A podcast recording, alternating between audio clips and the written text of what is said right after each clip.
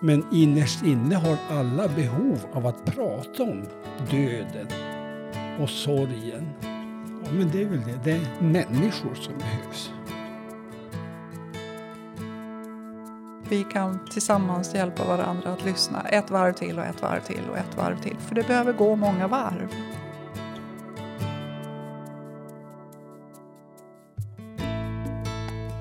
Och den här frågan, men nu har det ju gått sex månader. När går det här över?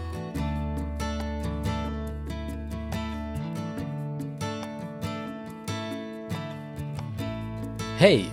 Du lyssnar till Angeläget, en samtalspodd från Svenska kyrkan i Umeå med Lena Fageus och gäster. Dagens tema är sorg.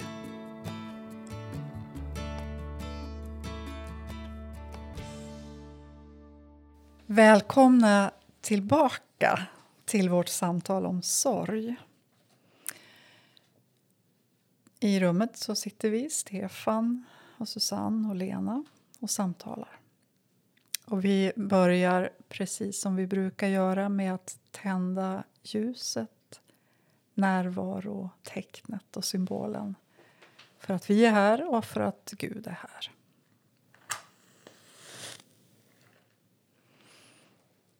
Den här delen av samtalet det ska handla om ja, men vad är det då som behövs. Vad är det som hjälper i sorgen? Vad säger ni? Vad, vad behöver man som sörjande? Vad, vad är det som lättar eller hjälper till? Eller?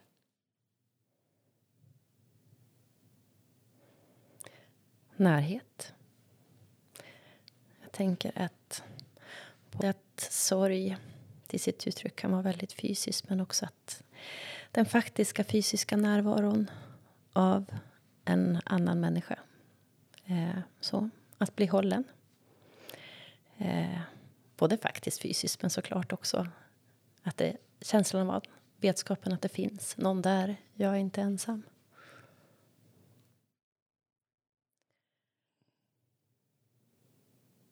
Stefan, vad säger du? Men det är väl det. Det är människor som behövs.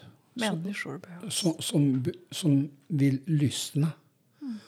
Och inte komma med hurtiga råd att du ska se att det blir bättre snart. Och så.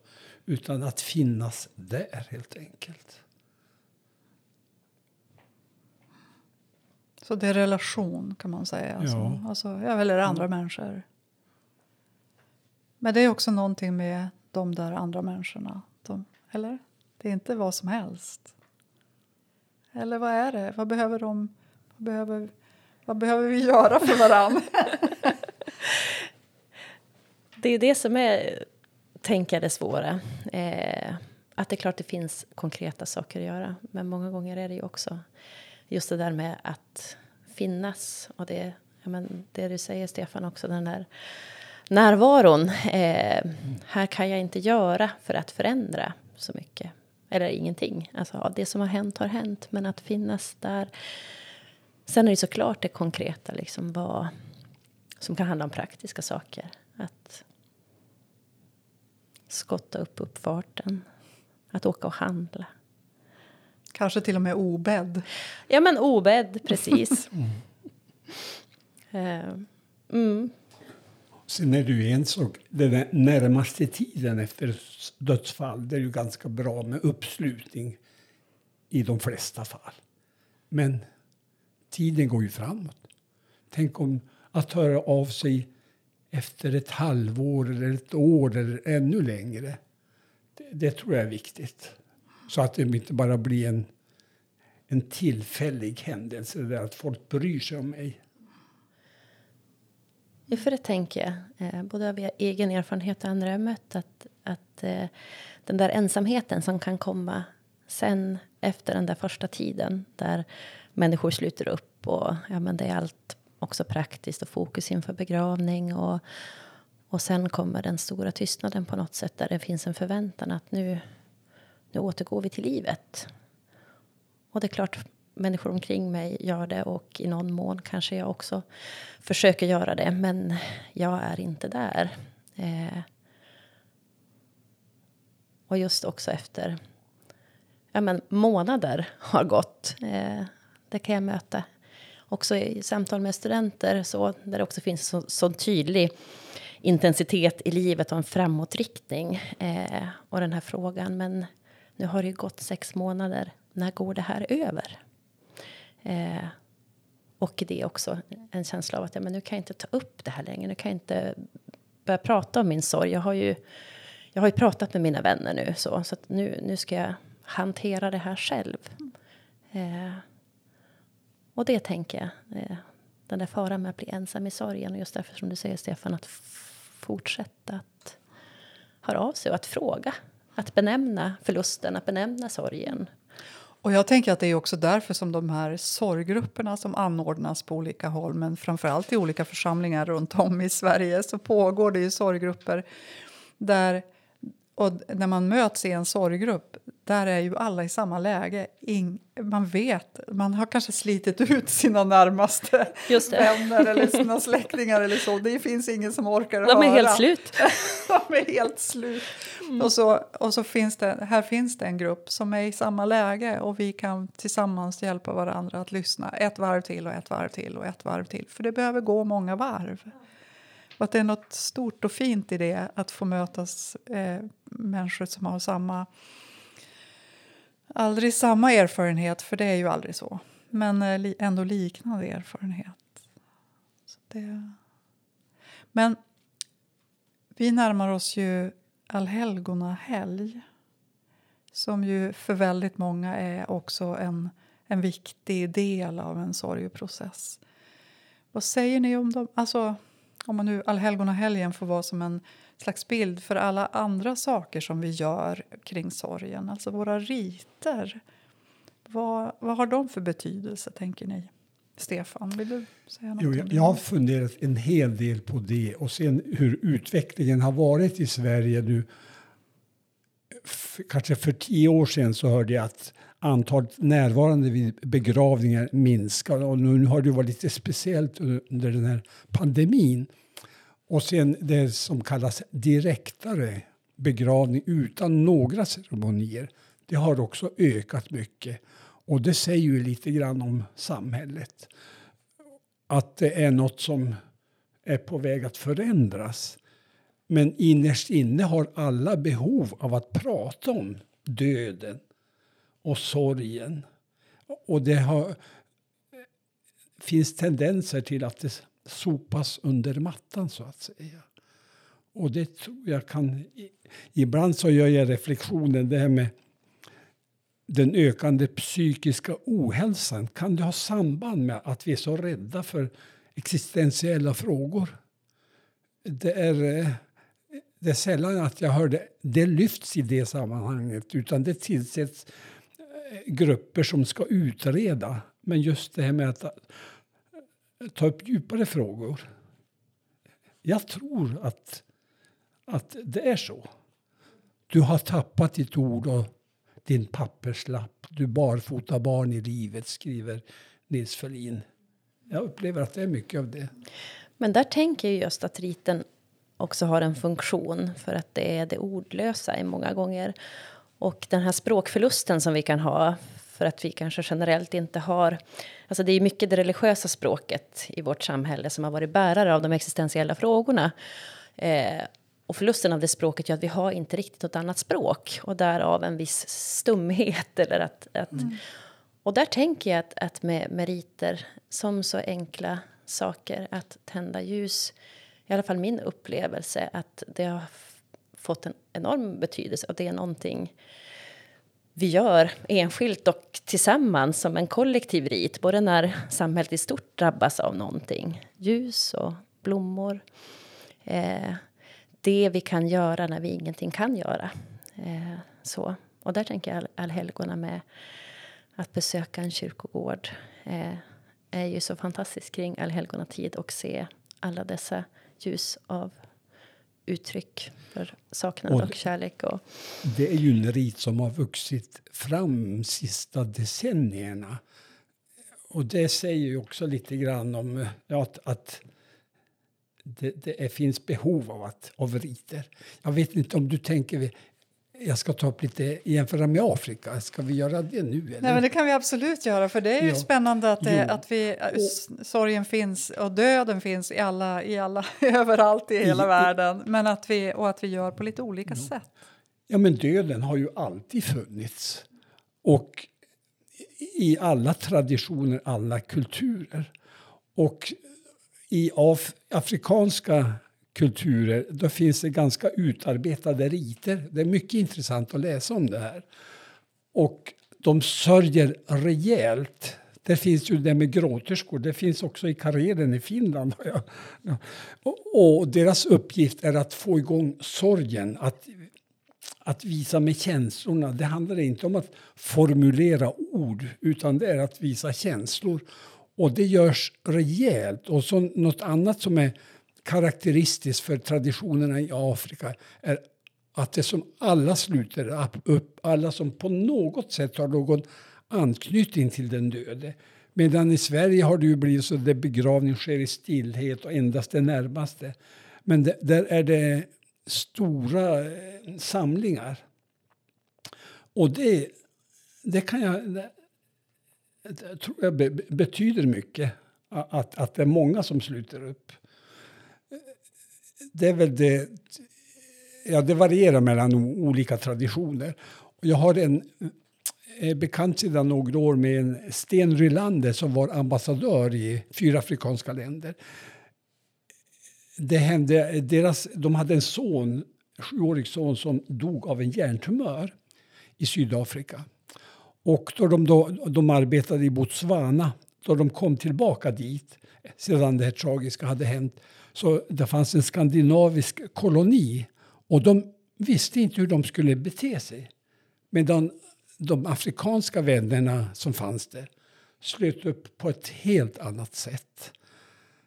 Så, och, och eh, jag har, skrivit om det här i en, i en bok som heter Afrikanska möten. Och för mig betyder det mycket det där att, eh, att han beskrev det så tyd, den där tydliga skillnaden mellan afrikaner och, och svenskar. Men du, hade ju, du berättade för oss också det här uttrycket after tears. Jo, ja, det finns party. after tears det party. underbart. Det är en tradition i Sydafrika. Jag har faktiskt varit med på ett after tears party. Gravöl fanns väl i Sverige förr i tiden, men det var lite det. Efter tårar-party. Och, och det är alltså för att to celebrate the life of the dead one. Just det. Mm. Att fira, att fira hans liv. Och, och eh, nu har jag läst en hel om det. Man får, kan läsa så mycket på nätet. Det har, börjat spåra ut spåra ur det här med after party. Men själva tanken är ju god. Mm. Och jag, jag tror säkert det är så vi samkväm efter begravningar att, att det är ganska mycket glädje finns där. Så det är... eh, Ja, jag, jag har mycket material om det här. eh. Jag har ambitionen att skriva ner om det. Ja, gör det. Men nu har jag ju gjort, nu är det väl lite offentligt. Att Ja, nu, är det, nu har du ju sagt det, nu får Oj, det komma. oj, oj, oj. nu är det bestämt. Jo, nej, men det, det finns så oerhört mycket intressant. Och, och att eh, jag har till exempel en sam, eh, det- barnteckningar från Etiopien som för en historia om en död. Och de har ritat ner det. Och så, en grupp svenskar barn fick höra samma i samma ålder. Det är en flicka från nu som gjorde det här. Och jag var med i Addis Abeba då barnen fick höra berättelsen och ritade. Och det, det genomgående på bilderna från Etiopien, det är massor med människor. Svenska teckningar det är enstaka och de ritar liemannen och lite kusliga saker. Så det, är- ja, men det är ett mycket intressant material. Ja, vi får, får se vad som blir. Och sen det här med vad, vad Sverige skulle kunna lära sig från Afrika. Det är svårt att ändra på traditioner. Men jag tänkte det här med eh, eh, Halloween fanns ju inte för. Fredagsmys fanns inte för. Det kanske går att införa positiva grejer också. Absolut. Då behövs det någon som tar initiativet. Ja. men det var lite grann. Ja, om- ja, det är spännande. Ja. Ja, men jag kan väl också säga det här med att i afrikanska länder det finns det inte sorgecoacher och sorgegrupper. Utan det finns inbyggt i kulturen att de tar hand om varandra på ett sätt som eh, det, det, det kanske var mer av det i, i det bondesamhället, som vi brukar säga. Ja, men det, alltså jag, jag tycker att det är väldigt spännande att försöka förstå förändringen. Alltså en del har förstås med sekulariseringen att göra. Andra saker har med individualisering och vissa saker har med alltså att man flyttar från sina ursprungsorter och man känner inte så många och att det blir en ensamhet. Det är ju väldigt många ensamhushåll och väldigt många som, som är ensamma. Mm. Det är mycket, många saker som hänger ihop. Mm, jo, men det är ju en, absolut en sårbarhet i det. Tänker jag. Att våra sammanhang inte är självklara eh, på samma sätt. Eh, så. Och att vi där är mer utelämnade. Och så samtidigt tänker jag också de goda sidorna med de möjligheter vi har via ja, men sociala medier eller att ha den kontakten och också ingå där och tänka att ja, men där finns också communities och sammanhang som faktiskt bär och fungerar. Och det tror jag är lite så här generationsfråga.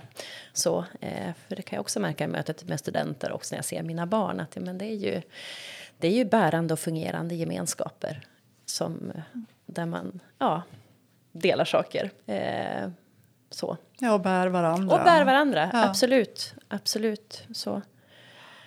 Nej, men så tänker jag också, ja, men det, du säger Stefan, det här med att, att skapa nya, nya riter. Att det, det, är ju, det är ju ingenting statiskt, utan vad, vad, vad behöver vi och hur, hur hittar vi uttryck?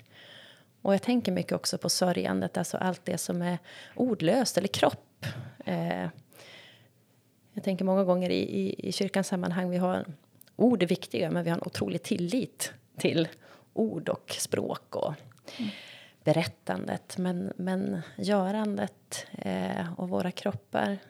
Jag blev jätteberörd av en, en novell som jag läste i, i vintras eh, av eh, musikern och författaren Annika Norlin. Eh, som har kommit ut med en novellsamling som heter eh, Jag ser allt du gör, tror jag. Och hennes sista novell i den samlingen så heter bara kort Gå. Och det handlar om en kvinna som har förlorat sitt barn. Och hon företar sig en vandring. Eh, och det är som att hon, ja, hon... Man kan ju inte gå sorgen ur kroppen men det är en sorgebearbetning den här vandringen. Så hon börjar liksom någonstans i Gällivare och så går hon och möter människor, möter djur längs med vägen, får små tecken. Eh, mycket väldigt ordlöst, eh, men det händer saker i henne under den här vandringen.